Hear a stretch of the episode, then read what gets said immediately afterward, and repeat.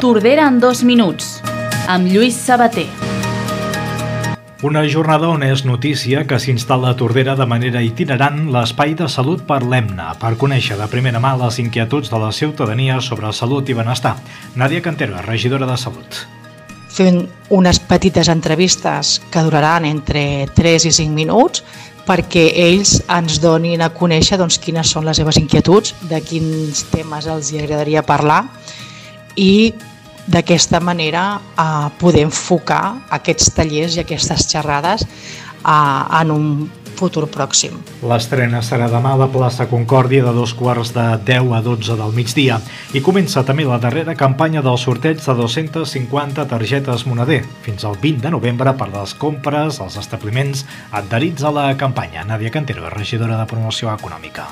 Aquesta campanya es fa a la recta final de l'any per tal de poder promoure la compra dins del municipi durant la campanya de Nadal. I la regidoria d'ocupació impulsa el Club de Feina pretén oferir eines i recursos per millorar l'ocupabilitat i la formació a realitzar els dimarts i dimecres de 9 a 11 amb cita prèvia. Rafael Delgado, regidor d'Ocupació. La situació actual és relativament millor, però encara és molt dolenta per famílies i persones que no troben feina, que la necessiten i que fan esforços i, i no hi ha manera. I l'Institut Tordària ha creat la revista Tordària Report en col·laboració del Junior Report, una revista que s'encarrega d'informar de totes les novetats del centre.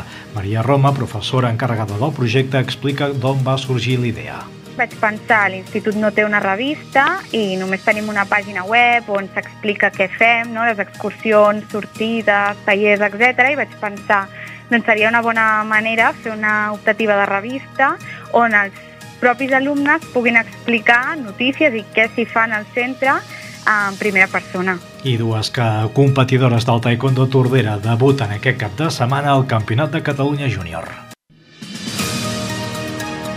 Tordera en dos minuts, un podcast dels serveis informatius de Ràdio Tordera disponible a la web i a les principals plataformes.